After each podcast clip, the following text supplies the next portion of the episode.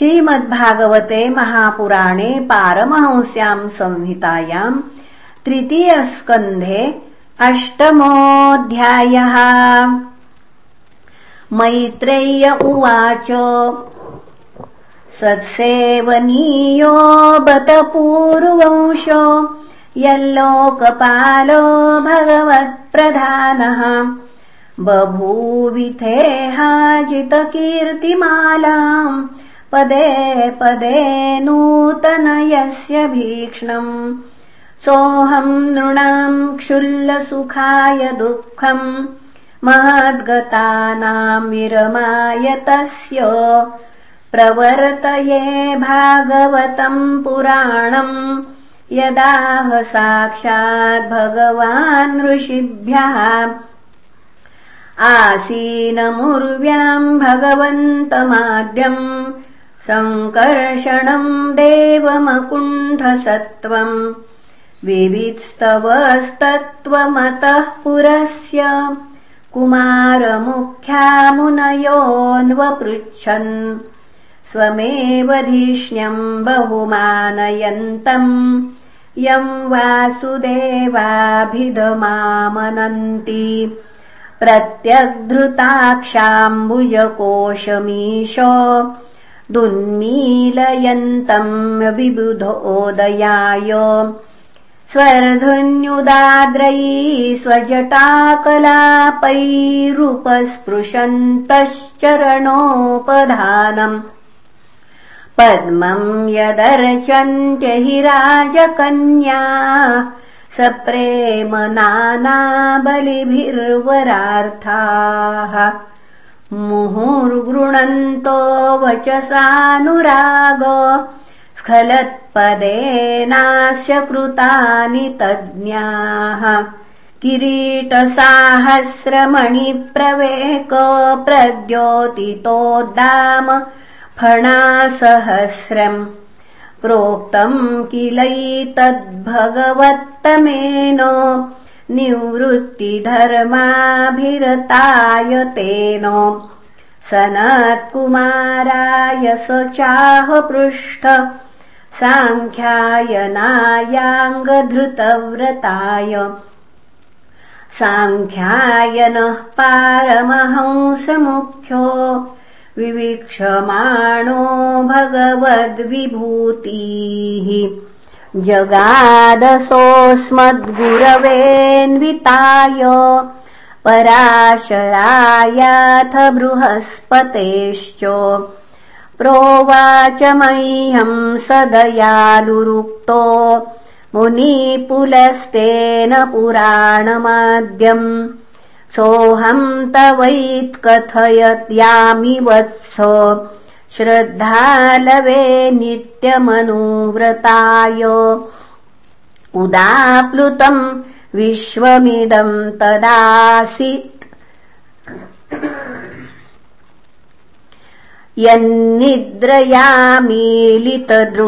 यन्निद्रयामीलितदृङ्म्यमीलयत् अहीन्द्रतल्पेऽधिशयान एकः कृतक्षणः स्वात्मरतौ निरीहः सोऽन्तः शरीरेऽर्पितभूतसूक्ष्मः कालात्मिकाम् शक्तिमुदीरयाणः।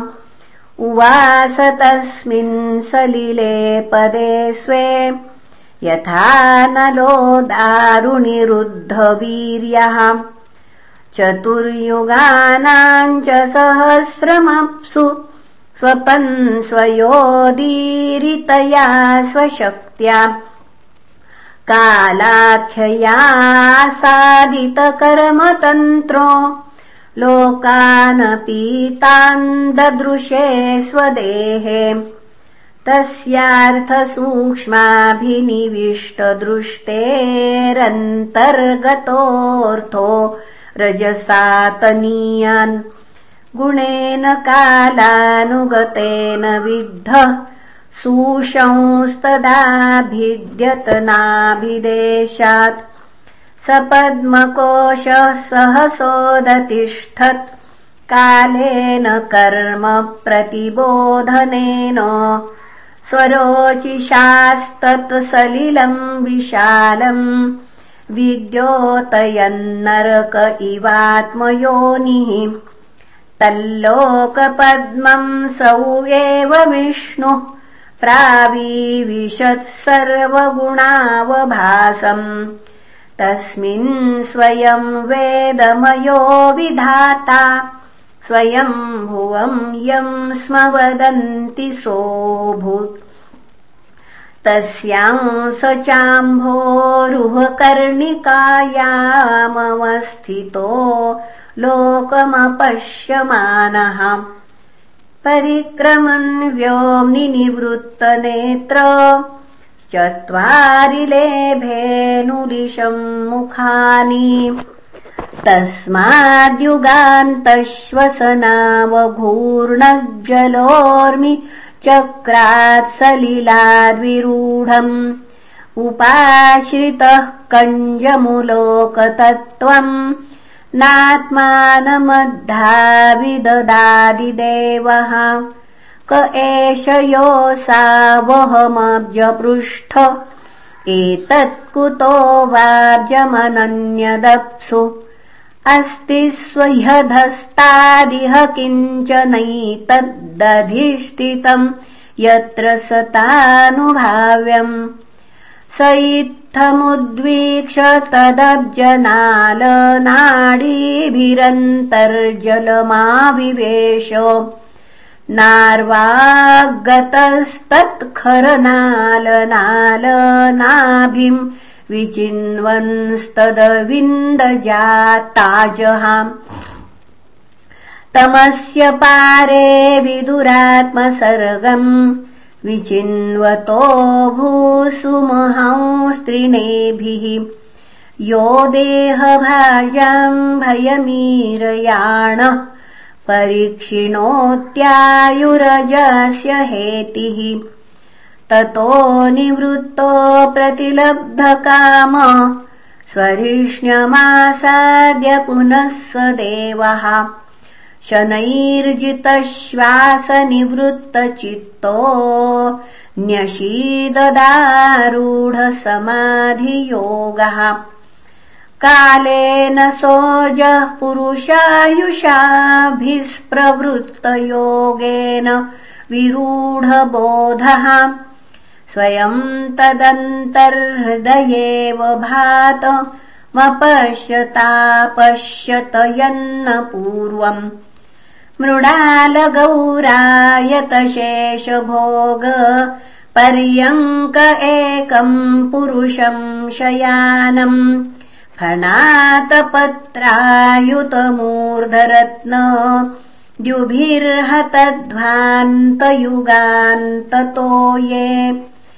अप्रेक्षाम् क्षिपन्तम् हरितोपलाद्रे सन्ध्याभ्रमी पुनः सन्ध्याभ्रनीवेरुरुरुक्ममूर्ध्नः रत्नोदधारौषधि सौमनस्य वनास्रजो वेणु भुजाङ्घ्रिपाङ्घ्रे आयामतो विस्तरतस्वमान देहेन लोकत्रयसङ्ग्रहेण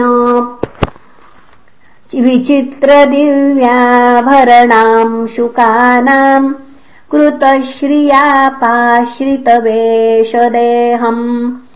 पुंसाम् स्वकामाय विविक्तमार्गैरभ्यर्चताम् कामदुघाङ्घ्रिपद्मम् प्रदर्शयन्तम् कृपया नखेन्दुर्मयूख भिन्नाङ्गुलिचारुपत्रम्।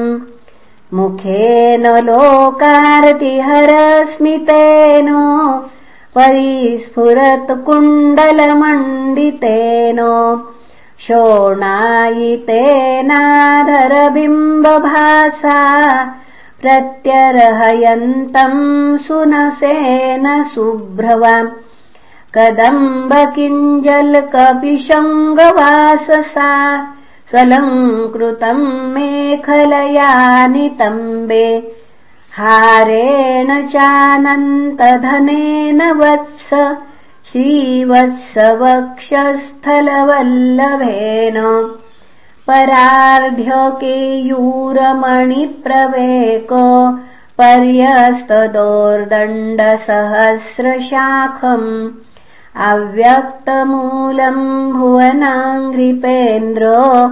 महीन्द्रभोगैरधिवीतवल्शम् चराचरौको भगवन्महीन्द्र महीन्द्रबन्धुम् सलिलोपगूढम् किरीटसाहस्रहिरण्यशृङ्ग माविर्भवत् कौस्तुभरत्नगर्भम् निवीतमाम्नाय मधुव्रतश्रिया स्वकीर्तिमय्यावनमालया हरिम् सूर्येन्दुवाव्यग्नगमम् त्रिधामभिः परिक्रमत्प्राधनिकैर्दुरासदम् तर्ह्येव तन्नाभिसरः सरोज मात्मानमम्भ श्वसनम् वियच्च ददर्श